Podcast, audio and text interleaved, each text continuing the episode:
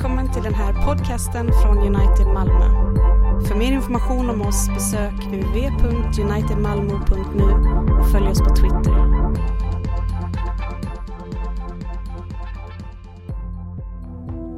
Vi förblir stående som församling medan vi hör eh, dagens predikotext från Kolosserbrevet 3, vers 15 till 17. Låt Kristi frid regera i era hjärtan, den frid som ni blev kallade till i en enda kropp. Och var tacksamma. Låt Kristi ord rikligt bo hos er med all sin vishet. Undervisa och förmana varandra med salmer, hymner och andliga sånger. Och sjung med tacksamhet Guds lov i era hjärtan. Och allt vad ni gör, i ord eller handling, gör det i Herren Jesu namn och tacka Gud Fadern genom honom. Så lyder Guds ord till oss idag.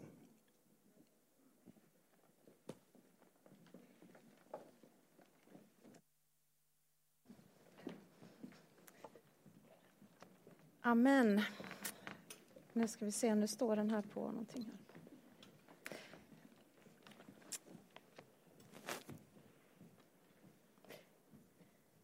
Vi har ju nu under sju veckor börjat vår reformation.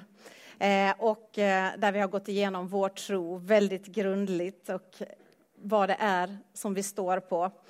Eh, och nu ska vi fortsätta den här resan och tala om vårt liv. Eh, så i tre söndagar nu, som sen leder upp till den andra delen av Vision Sunday, så ska vi tala om vårt liv eh, och det här betyder ju inte nu att vi är färdiga med ordet alena och Kristus alena och nåden alena och tro, utan till Guds ära alena, utan det är på något, that's it. Eh, det är de vi är, det är det vi lever för, det är det vi bygger igenom och för. Men det vi nu ska tala om är lite hur vi gestaltar vår tro i gudstjänsten, i gemenskapen och i efterföljelsen eller lärjungaskapet. Så det är det vi ska göra. Och eh, jag ska idag tala om gudstjänsten. Vilka moment vi har, varför vi har det och eh, hur det här bygger kyrkan och ära Gud. Magnus brukar säga så här att kyrkan är den enda platsen kvar i den här världen som inte handlar om mig eller om oss själva och eh, det är rätt befriande att få komma till en plats där jag inte behöver där det inte handlar om mig, när det finns så mycket annat som pekar på mig och pressar mig. Och, eh, så vi samlas inte för oss själva, utan vi samlas för Gud. Eh, och jag har en bra sammanfattning här och jag ber redan nu om ursäkt att det kommer vara några citat på engelska, för jag är inte lika flink som min man på att översätta, det bara blev eh, katastrof. Så att ni får försöka hänga med på engelska. Ta inte anteckningar utan försök att läsa. Worship, in its broadest, broadest sense, is something we are to be doing in every area of life. Everything we do is supposed to be for God's glory. Public worship, as that declaring of God's worth that occurs when His people gather together under His word. Biblical corporate worship is word centered worship, performed in spirit and in truth. Och när vi säger worship på engelska eller corporate worship så är det ju ett ord för gudstjänsten i engelskan. Eh, så innan vi går in på själva gudstjänsten och formen och det vi gör här nu, eh, så ska jag bara tala några minuter om hur viktigt det är att vi samlas varje vecka och varför vi gör det. Jesus sa att jag ska bygga min församling. Vi lever i en extremt individuell, individuell, ni vet en sån tid. Eh, Ja, jag tänkte innan att, eh, att åh vad skönt det är svenska nu. inte engelska, men jag kan inte svenska heller. Eh, individualistisk tid. Eh, där det är mycket fokus på mig. Det är fokus på min tid, min egen tid. Ingen ska säga till mig vad jag ska göra, hur jag ska leva. Eh, MySpace, alltså det är allting. Mycket handlar om mig. Och på något sätt så smyger det här sig gärna in i kyrkan också. Att det kommer någonstans att, nej men nog kan man väl ha en typ av privatkristendom. Men det kan man inte enligt Bibeln. Helt uh, frank, eh, så kan man inte det. Utan när vi läser i breven i Nya Testamentet så handlar det inte om oss som individer, utan det handlar om till församlingar. Det är till församlingen. Och bilder används hela tiden på att vi är en kropp, Eh, och att vi är som en familj. Vi behöver varandra. Det är Guds plan för oss att det kristna livet levs i gemenskap och också tillsammans i gudstjänstfirande med andra, med, tillsammans med andra. Och vi ser det här i vår text idag från Kolosserbrevet 3 och 15 att låt Kristi frid regera era hjärtan, den frid som ni blev kallade till i en enda kropp. Och eh, till vår natur så börjar vi lätt gå ifrån det som vi vet är rätt och riktigt om vi inte blir påminda hela tiden. Eh, det är så med andra saker, det kan vara så med träning eller med, med kosthållning eller någonting som vi tycker är bra och sunt. Att eh, börjar vi dra oss ifrån, det finns väl någon anledning till att man har PT, eh, eller det har ju inte jag då. Men, men alltså någonstans att, att någon som behöver påminna, någon som behöver köra på, för att i min natur så kanske jag faller bort ifrån. Och det är likadant med kyrkan, vi behöver bli påminda, vi behöver komma tillsammans, vi behöver höra Guds ord. Hebreerbrevet 10.25 säger att låt oss inte överge våra egna sammankomster som en del har för vana. Så man kan skaffa sig de vanorna också som inte är bra. Utan uppmuntra varandra att, att komma tillsammans. Så att det här är något, vi behöver påminna varandra, vi behöver uppmuntra varandra att se kraften och styrkan och vad Bibeln säger om kyrkan. Eh, och vad är det vi behöver se? Vad är det vi behöver påminnas om hela tiden? Det är den här stora berättelsen som Bibeln talar om från början till slut. Eh, och du känner kanske igen det, och vi har pratat om det innan, att på något sätt att varje gudstjänst får spela upp det här dramat för oss i vårt liv. Om skapelse, vem vi tillhör, eh, vems barn vi är, Fader vår, fallet, vi är alla syndare, fallna, vi är trasiga till naturen, och försoning. Att det är nåd. Att när evangelium förkunnas så får vi höra nåden igen. Och det här leder till upprättelse och det vi lever i ständigt, att jobba på vår helgelse ända tills den dagen allting blir skapat blir förhärligat. Men någonstans är det den här berättelsen som vi får komma in och bli påminda om. Paul Tripp har sagt så här att corporate worship is designed to give you eyes to see God's glory and grace in a way that changes your heart and transforms your living. Så vi här i United, varför gör vi gudstjänsten som vi gör? Och eh, det finns ju både en, en teologisk och en filosofisk tanke och bakgrund till det här. Eh, och det, allt grundar sig på att vi vill försöka tillämpa Bibelns principer för gudstjänstfirande. Och när det kommer till liturgi så har alla kyrkor någon form av liturgi. Och jag vill bara säga det om liturgi, jag tycker det är ett vackert ord. Eh, och det betyder just det, form för gudstjänstfirande.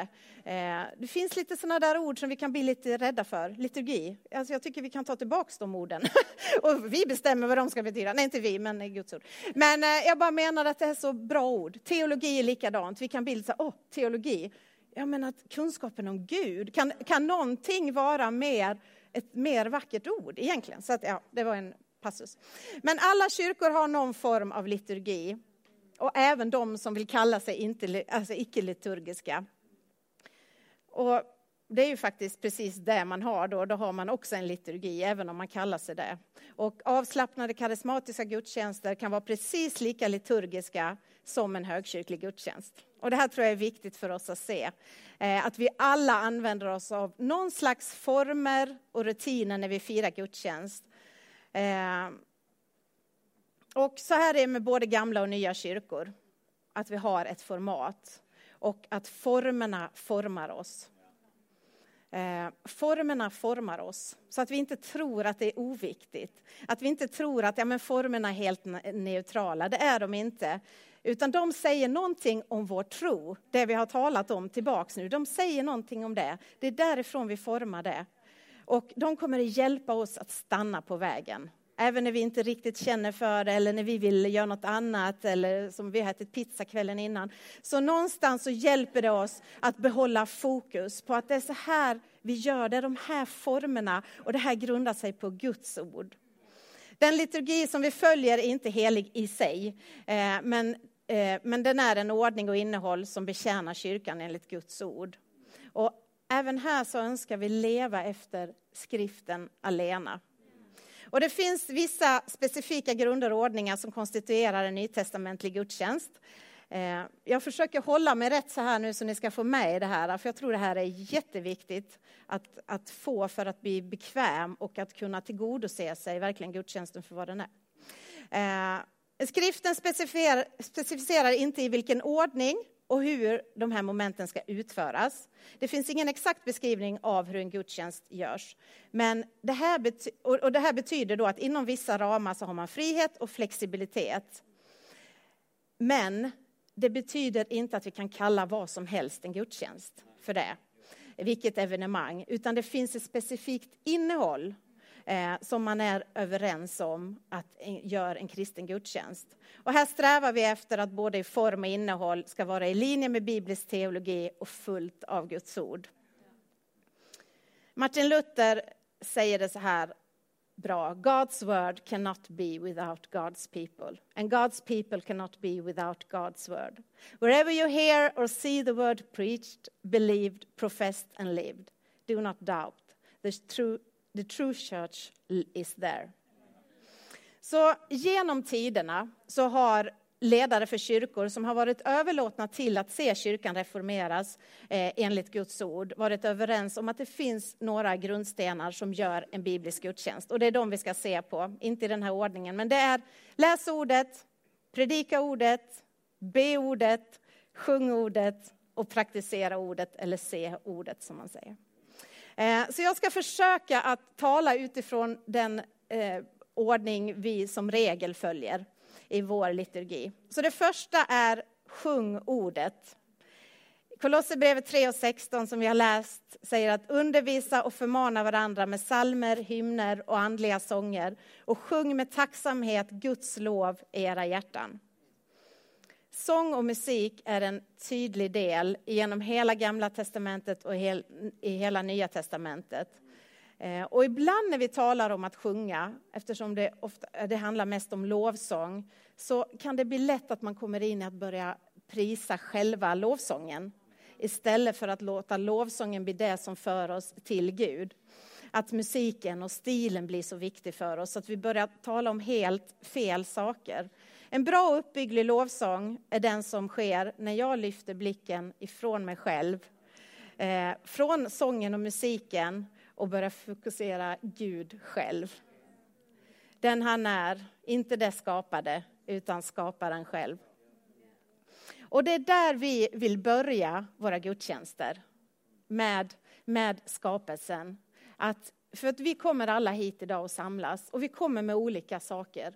Eh, någon kanske kommer med sorg, någon kanske kommer, man har precis bråkat eller man kommer med oro för ekonomi. Det finns så mycket olika saker. Någon kommer alldeles jättelycklig. Det har bara varit en perfekt vecka på alla sätt. Så att, så att någonstans så möts vi alla och vad vi då gör är att vi går inte till, ah, du mår bra och då är det här bra för dig, utan vi samlas som församling tillsammans och så lyfter vi blicken mot honom eh, som berör oss alla var vi än är och som vi alla behöver, som vi alla behöver se. Vi väljer också våra sånger väldigt noggrant och genomtänkt när vi firar gudstjänst.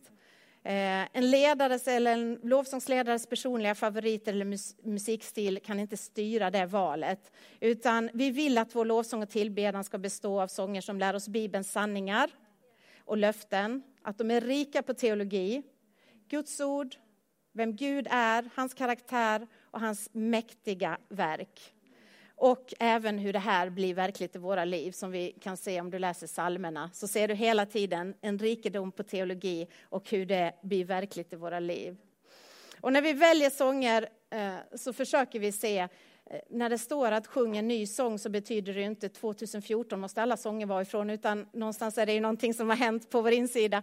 Eh, så att vi, vi väljer sånger som vi hittar som är bra från förr i tiden och från nutiden. Bara lyssna här lite på, på ord så ni förstår lite det här, ah, vad jag lyfter ifrån mig själv, det handlar inte om mig. All I have is Christ, hallelujah, Jesus is my life, som vi sjöng idag. All I have is Christ. Snacka om mig som att få fokus från min lilla navel. Eh, blott en dag, ett ögonblick i sänder, vilken tröst var en som kommer på. Allt ju vilar i min faders händer, skulle jag som barn väl ängslas då. Precious cornerstone, sure foundation, you are faithful to the end. På dig, min Gud, förtröstar jag när oro skymmer min morgondag. In your everlasting arms, all the pieces of my life, from beginning to the end, I can trust you. In Christ alone, my hope is found. No guilt in life, no fear in death. Så rikt på Guds ord, bara på några meningar. Fäst dina ögon på Jesus. Se in i verkligheten själv. Alltså ni märker, ni hör här vad orden gör med oss och vad det sätter att, att, att det inte bara är ytligt eller ogenomtänkt, utan det gör någonting med mig. Det pekar inte på vad jag ska göra och hur jag ska bättra mig, utan det pekar på vad han har gjort för mig. Evangelium även i sången. Inte byggt på känslor. Och det är precis det här att på något sätt se sångerna som faktiskt våra lärare också. Eh, vilken tro och lära som vi vi, vilken tro och lära skulle vi förtrösta på om vi bara levde efter det lovsångerna? Nu pratar jag inte om sång, utan vi pratar om gudstjänsten här. Gå på konserter och digga och allt. Men, men nu pratar vi om vad vi gör på gudstjänsten. Eh, det, det, är våra lärare. Om, man har ju så enkelt för att lära sig texter till musik jämfört med när jag börjar traggla och försöker memorera. Men så lätt jag lär mig sånger. Och även vad vi gör kanske enklast i vår ensamhet. När vi inte orkar be, eller när vi orkar be så använder vi ändå lovsången. Och här så blir det också som en lärare och som en inriktning med det vi gör här på gudstjänsten. Att det blir någonstans det jag tar med mig hem och det som jag använder även i mitt personliga liv. När vi inte orkar be eller när vi är nere och när vi är kraftlösa, kraftlösa så, så använder vi lätt sången och sätter på. Och jag menar, då kan man ju välja att vara lite så här Bridget Jones och all by myself bara. Eh, men, nej, men för vi, vi, jag vill bara visa på sångens kraft lite grann, att det är ju så, eller om du är, eh, ditt hjärta har gått i sönder ju som, så, så är det ju inte, oh, I'm gonna party all day, utan då är det ju lite det här att då väljer du sånger som, åh, oh, han lämnade mig och jag är så ledsen och jag är så nere nu och det gör så ont. Eh, och likadant här, så låt oss välja sånger som återspeglar vår tro i det. Här, vi gör det här för vår skull och för att lära varandra och vi gör det i vårt privata liv. Eller det är bra om vi gör det i vårt privata liv. Eh, och en sista sång också, eller en sista sak om det här. Det är därför Eh, när vi arbetar med lovsångsteamet och de som ska sjunga, att vi försöker undvika, eller vi vill inte att det ska bli ett uppträde här framme, utan att det får bli människor som vet att okej, okay, vi är inte här för att synas, utan vi är här för att visa på Gud, att leda andra människor, att få bort eh, våra känslor och tankar från oss själva och rikta vår blick mot Gud. Och Martin Luther han har ju någonting bra att säga om det här. Han säger att the gift of language combined with the gift of song was giving, given to man that he should proclaim the word of God through music. Det andra är att be ordet. Jesus säger i, i, så här att mitt hus ska kallas ett bönens hus. Fantastiskt. Och eh, i Matteus 6 så har vi Herrens bön. Fader vår som är i himlen Helgat var det ditt namn. Tillkommer ditt rike. Ske din vilja, så som i himlen såg på jorden. Vårt dagliga bröd ge oss idag. Förlåt oss våra skulder så som och vi förlåter dem oss skyldiga är. Och inled oss inte i frestelse, utan fräls oss från ondo. Till riket är ditt och makten och härligheten i evighet. Amen. Det är det ställe där Jesus säger, så här ska ni be. Och när vi ber så uppenbaras vår teologi eller vår brist på teologi. Och med det här alltså menar jag inte att du behöver vara professor i teologi för att be. Så missförstå mig inte på något plan. Eh, Jesus säger själv det innan han ger oss Herrens bön, att vi inte ska rabbla långa böner eh, för att synas eller för att höras. Men bönen, när vi kommer tillsammans i gudstjänsten så lär vi även där varandra att be. Eh, och att det är viktigt vad och hur vi ber. det sätter ord på hur vi sen, det vi gör här sätter på ord på hur vi sen kommer att be i våra personliga liv. Och vi tror att det är viktigt med både spontan och fri, vad man brukar kalla fri hjärtats bön. Eh, men också med böner som är välformulerade, som är nerskrivna och genomtänkta. Eh, varför skulle vi inte göra det med böner när vi gör det med predikan, vi gör det med lovsånger? Lovsång är ju egentligen bara bön som är musiksatt. Eh, och jag har märkt på ett personligt plan, när, för jag är ingen människa med, som är så duktig med ord, så att det kan lätt bli just det här som Jesus säger, rabbla inte bara en massa. Men det blir lätt det ibland när man ska be. Och det här att se hur jag verkligen kan ta andra som har skrivit, och jag menar vi har ju Fader vår, är ett fantastiskt exempel att ta. Eh, men även andra skrivna böner som är välformulerade med rätt teologi. Och använda det och göra det till mina egna ord. Jag måste säga att det har varit till oerhörd hjälp och eh, jag tror det är det och det är något som vi tror att vi kan använda oss av här också. Gemensam bön är att påminna oss om de bibliska sanningarna och göra anspråk på Bibelns löften. Och all offentlig bön bör reflektera Bibelns innehåll. Så de olika bönerna vi ber i en gudstjänst, eh, och det här flyter in med lovsången, men det är tillbedjan, bekännelse, tacksägelse och sen så uttrycker vi våra behov och har förbön. Och vi vill börja med, igen som jag har sagt under lovsången, att Fader vår som är i himlen, att bönen får börja gå upp till honom. Jag har ett hårstrå här, det bara det jag ska ta bort. Eh, det andra, bekännelse, skulle jag vilja stanna upp lite längre runt. Eh, jag vet att det har funnits en del människor som det här är ett nytt moment och varför gör vi det här? Eh, och det är helt okej. Okay. Men därför så tror jag att det kan vara viktigt just i bönen nu att tala några minuter om det. Och jag tror att vi kan komma till bekännelsen på lite olika sätt. Vissa kan komma med en oförståelse utifrån att eh, jag har ju varit så bra. Eh, jag har gått upp varje morgon och bett och jag har bett på kvällarna och vi har bett vid bordet, jag har läst Bibeln med barnen. Alltså någonstans så kommer man med den här förståelsen att, ja men ska jag stå här nu och säga att jag är syndare? Jag är ju, det här flyter ju. Eh, nej, det gör ju inte det. Utan det finns ju ett ord för det också och det är självrättfärdighet. Att så fort det går bra så börjar jag tänka att eh, bli religiös. Eh, och glömmer bort att allt är nåd. Även det goda vi får och de gåvor vi har fått och det vi utövar och gör bra, det grundar sig i nåden. Sen kommer någon annan från ett helt annat håll och man bara känner att, att nej, livet funkar inte. Eh, och man kommer med stark fördömelse. Alla tillsammans så behöver vi komma in och bekänna vår synd och bekänna vårt behov av Gud. Det här leder oss till nåden. Det gör att nåden blir så mycket större. Vi förstår att det är oförtjänt och det leder oss också till tacksamhet att ständigt tänka på det här. Eh, så det första jag skulle vilja säga, jag vill säga fyra saker om just runt bekännelse. Eh, så för det första så är det radikalt ärligt att erkänna att vi kommer till korta när det handlar om att leva till Guds ära. Och det är här det sätter just det här som jag sa, okej, okay, oh, mina handlingar har varit bra. Ja, men jag har inte älskat Gud av hela mitt hjärta. Jag har inte älskat min, min nästa som mig själv hela tiden. Och på något sätt visar det oss verkligen det syndiga tillstånd vi är i. Så att vi erkänner att vi kommer till korta när det handlar om att leva till Guds ära. Eftersom synden är både enskild och gemensam så bör också bekännelsen vara gemensam. För om vi undviker gemensam bekännelse i gudstjänsten så kan det bli lite av den här idén också att eh, frälsningen är en privatsak. Och det är i församlingen, det är församlingens sak. För det andra så är gemensam bekännelse en handling som formar oss och som spiller över in i vardagen också.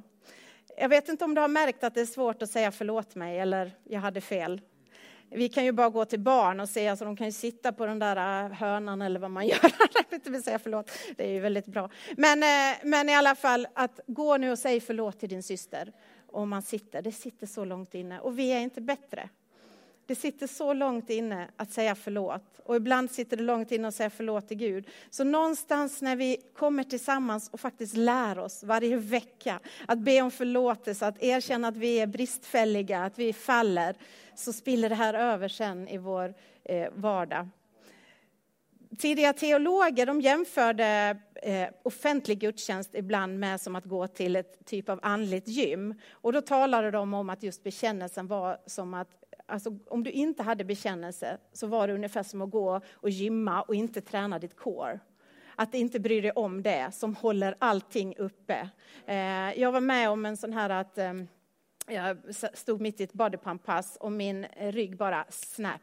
Eh, så jag fick gå ut ifrån eh, passet, eh, naturligtvis. Då. Ja, eh, haltade ut där, eh, ringde efter Sara, kom och hämta mig. Jag var inte mycket för världen. Jag ringde Henrik, vad gör jag nu? Och han skickade mig till en, eh, en naprapat. Vad jag fick lära mig var vikten av mitt core. Att jag hade, jag hade gått där och hållit på att träna, men jag var inte tillräckligt tränad. Gör nu det här flera gånger om dagen. Gör nu de här övningarna så kan du komma upp. Och jag tror det är lite likadant faktiskt med bekännelsen. Jag håller, jag håller med alla andra teologer. Eh, och för det tredje så är ånger och omvändelser drar oss till nåden. Så tänk inte på det här som en börda. Ja, men ska jag hålla på att tänka på mina synder? Utan tänk på det som ett moment att okej, okay, jag är medveten, nu tar jag dem här och jag lägger dem hos honom som redan har tagit dem. Att, att då blir det helt plötsligt välkommet att bara få lyfta av saker. Och för det fjärde så eh, bekännelse som är uppriktig skapar ödmjukhet och hjälper oss att motstå självrättfärdighet och präktighet. Och det här är kanske två av de största problemen i kyrkan. Att eh, man man kanske inte vill gå dit för man tänker att alla är så präktiga eh, eller att alla framstår så duktiga. Och då är det faktiskt en rätt så öppen famn. Här står vi allihopa tillsammans, vem vi än är, och vi bekänner inför Gud att vi är alla lika. Så det är stort. Och jag, som jag sa i början, jag förstår att det kan vara nytt och ovant för en del och att vi bara får växa in det. Eh, och det var därför jag vill lägga lite extra tid bara för att tala om det.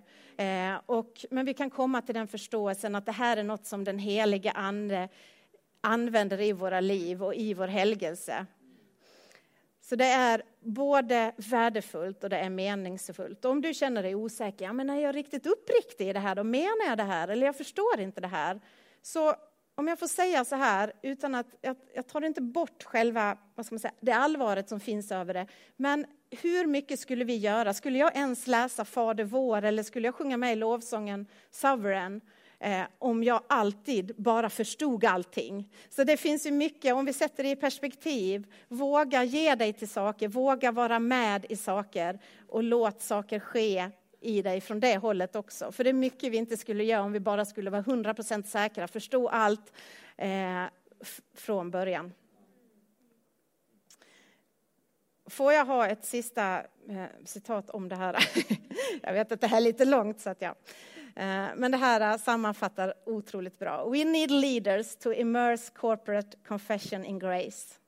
Too often corporate confession feels like a temporary suspension of good news. But it is a gift to be in a church that is honest enough to confess sin corporately. It is a gift to confess sin to a God of covenant love. It is a gift to pray for the Holy Spirit's help and to pray in the strong name of Jesus, who perfects our prayers.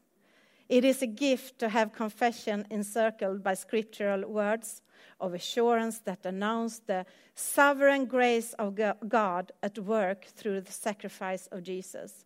When we have gospel shaped worship, grace abounds before, during, and after corporate confession. Vill du ha någonting eget och bara, jag vill se mer vad det står, läs psalm 51. Klockren, så bra. Eh, mer om bön, tacksägelse gör vi och det ser vi genom hela tiden. Vi ser det i den här texten vi läste idag. Allt vad ni gör i ord eller handling, gör det i Herren Jesu namn och tacka Gud, Fadern genom honom. Vi tar tid att uttrycka våra behov, vi ber på olika sätt för behov och vi tar också tid för förbön. Eh, som vi kommer att göra idag om det är någon som är sjuk och så här. Så vi tar tid där. Och när vi lägger händerna på varandra så sätter vi inte vår förtröstan till den personen som ber för mig, eller de orden kanske den personen säger, utan vi lägger vår förtröstan på den vi ber till. Gud som är mäktig och Gud som är i kontroll. Så därför så vill vi att alla våra böner ska vara inneslutna i det här att vi lägger saker i Guds vilja och trygga händer. Precis som Fader vår slutar, tillkommer ditt rike, sker din vilja på jorden, liksom den sker i himlen. Det tredje är, och alla punkterna är inte så här långa, ni börjar tänka här att jag är inne ett riktigt race här, men det är jag inte. Eh, läs ordet. Kolosserbrevet 3 och 16 igen. Låt Kristi ord bo rikligt hos er. Första Timoteusbrev 4 och 13 säger läs högt ur skrifterna. Bibeln befaller oss att se till att Guds ord blir läst när vi kommer tillsammans till gudstjänstfirande. Och det är att visa på att det är kraft i ordet alena. Eh, även när texten inte kommenteras eller läggs ut. Jag ska, eftersom det är ordet så ska jag ge er några ord snabbt här. Men Hebreerbrevet 4 och 12. Ty Guds ord är levande och verksamt. Det är skarpare än något tveeggat svärd. Andra Timoteus 3 och 16. Hela skriften är utandad av Gud. Jeremia 23 och 29. Är inte mitt ord som en eld, säger Herren, och likt en slägga som krossar klippan. När vi varje vecka i vår gudstjänst tar tid att högt läsa Guds ord utan kommentarer så är det en typ av statement på vilket sätt vi ser på ordet. Eh, att vi, hur vi ser och hur vi värderar Guds ord. Att vi tror på kraften i Guds ord, vi behöver Guds ord. Vi är villiga att lyssna till Guds ord och vi är villiga att låta det ordet instruera och leda oss. Och vi är villiga att underordna oss Guds ord. Om du går in i en av våra vackra eh, lutherska kyrkor i Sverige så ser du att eh, talarstolen är högt uppe. Eh, och det är en väldigt fin symbol det här att man har satt den där för att ordet ska vara över allt annat, över sakramenten och allting annat, så står ordet högst. Eh, och i vår gudstjänstliturgi så tar ju det här sig form på kan ta sig lite olika former, men som idag så hade vi, Magnus läste en psalm i början idag. Vi börjar med ordet, utan kommentarer, vi bara läser ordet. Innan predikan så har vi någon annan än den som ska predika som går fram och läser ordet också. Eh, och eh, i Nehemja så kan vi läsa om när han skulle lägga ut skriften för folket. Eh, så står det att han öppnade boken inför allt folks ögon, ty han stod högre än folket. Och när han öppnade den så reste sig allt folket upp. Och det här är ju någonting vi gör och som vi har börjat med för att det finns någonting av att ära Guds ord. Att jag säger någonting fysiskt när jag står inför Guds ord när det blir läst. Om till exempel kungen kom in här idag eller om vi hade ett bröllop så skulle vi alla resa oss upp. Det är någonting med vördnad att göra det. Och en sak det tillgör det är att säga att den som ska predika är en människa. Så att det är en kraft i ordet och sen så kommer det en människa som inte är fullkomlig och ska lägga ut ordet på bästa sätt. Men det, det, finns en tanke med att läsa ordet som är väldigt mäktig. Ordet är fullkomligt i allt det gett oss att göra. Det fjärde är predika ordet. Kolosserbrevet 3 och 16, undervisa och förmana. Och det här är verkligen hjärtat av gudstjänsten. Det är det vi lägger mest tid på. Andra Timoteus 4, 1 och 2. Jag valde att ta med det här, jag vet att jag har mycket bibelord, men för det är så bra. Jag uppmanar dig allvarligt vid Gud och Kristus Jesus som ska döma levande och döda och inför hans uppenbarelse och hans rike. Ni kan känna att han vill göra en viss poäng här. Vad är det han säger? Predika ordet. Trä fram i tid och otid.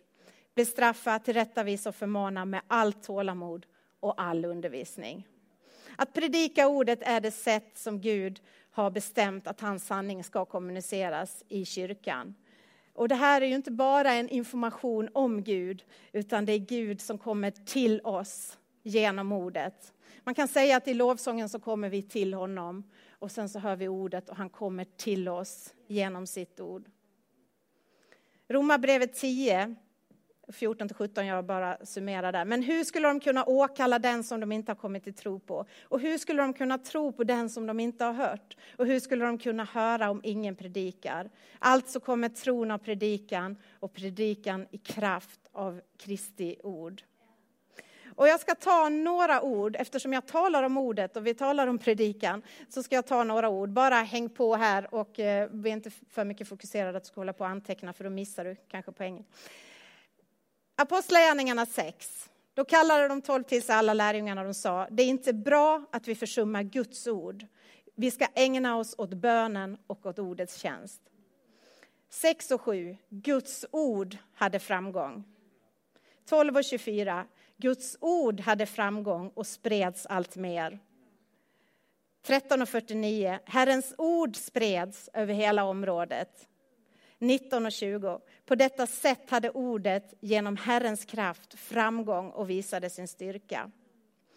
Och det här är extremt viktigt för oss att komma tillbaka till hela tiden. För vi kan börja sätta vår kanske förtröstan i formerna eller musiken eller andra saker för att vi för människors skull. Men det är ordet som verkar och att komma till en trygghet där. Läsa ordet och genom det bli trygg i att det är ordet. Och därför så väljer vi att predika som regel textutläggande och inte tematiskt. Och är du intresserad av att höra mer om det här så kan du gå in och lyssna på skriften Lena på hemsidan från eh, förra delen om vår tro, där vi talade mer detaljerat. Vi har kommit till slutet av gudstjänsten och eh, det är att se ordet eller praktisera ordet. Och en sak som vi har varje eh, gång vi har gudstjänst, det är givande. Och det här är en del av vårt liv, av vår lovsång och gudstjänst också. Jesus säger i Matteus 6 att där din skatt är, där kommer ditt hjärta att vara. Och eh, pengar är någonting som är så förknippat med vår förtröstan. Det vet vi, väldigt mycket saker kan som flytta på, eller, men när det rasar ekonomiskt så rasar lätt världen, eh, alltså vår värld. Så att någonstans är det här en otroligt viktig sak. Luther han, han sa det kanske bäst av alla, att eh, det sista som blir omvänt hos en människa är människans plånbok. Eh, och det ligger mycket i det. Det är verkligen uttryck för att jag är beroende av dig Jag förtröstar på dig, även det här som ger mig uppehälle. Frivilligt givande är en biblisk del av gudstjänsten. Det är ett praktiskt uttryck för att allt vi har och tillhör kommer ifrån Gud. Han är vår källa, han är vår främsta skatt som vi skattar högre än våra jordiska skatter och tillgångar. Och inte minst ett uttryck för att vi vill ära Gud med allt vi är har och gör. Och givandet är riktat till kyrkan för att understödja igen ordets tjänst och att Guds ord kan spridas. Och eh, vi ska bara avsluta här och nämna två sakrament som vi har. Vi ska gå in i, i nattvarden här. Vi har dop och vi har nattvard. Och dopet betyder inte att vi har kommit i mål med vår tro eller är färdiga som kristna, utan det är mer ett startskott för ett liv i tro och efterföljelse av Kristus. Och en symbolisk behandling på att, precis som vi sjöng, nu lämnar jag världen, jag vill följa dig. Eh, och sen har vi nattvarden som vi ska gå in i nu om ett ögonblick bara. Och vi kommer att få höra vad Guds ord säger om det i samband med det. Men det påminner oss om och gör evangeliet synligt och tydligt för oss genom flera av våra sinnen som vi får använda genom att vi äter och dricker. Så låt oss stå upp och sjunga tillsammans så ska vi gå in i nattvarsen. Amen.